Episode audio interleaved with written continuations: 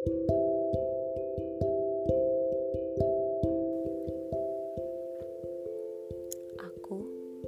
kata, kutuku, dan kamu.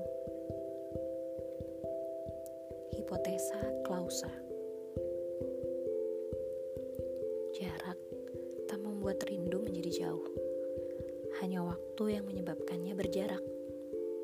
Jarak seperti menjadi sebuah mimpi buruk bagi tidur yang nyaman bagi orang-orang yang menjalin hubungan.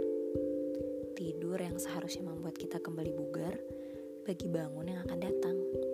Dan mimpi-mimpi buruk itu adalah buah dari ketakutan-ketakutan yang kadang bercerita kejam dan membuat kita merasa jerah untuk merasakannya kembali.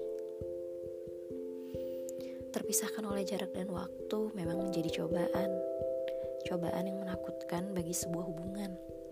Dalam biasanya terjadi karena ada garis yang terhubung antara dua titik. Dalam hal ini, hati dan pikiran manusia. Sementara garis penghubung kedua titik ini yakni rasa percaya, ketertarikan, ataupun rasa memiliki. Rasa percaya bisa saja selalu ada, tapi kadang ada yang bisa meruntuhkan rasa percaya itu dengan batas ruang dan waktu.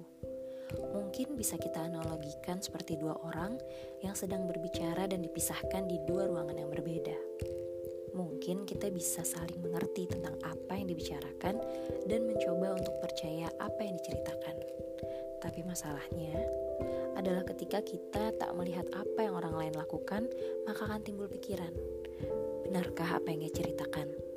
Atau benarkah apa yang dia lakukan?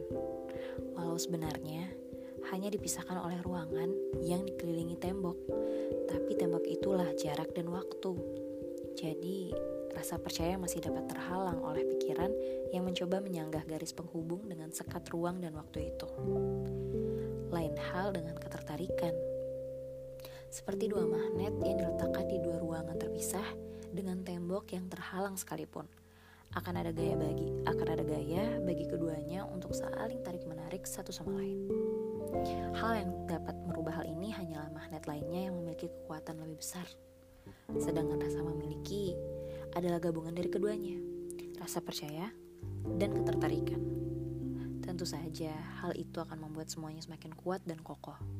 Seperti sebuah pintu yang dapat menyatukan dua buah ruangan walaupun dalam keadaan tertutup.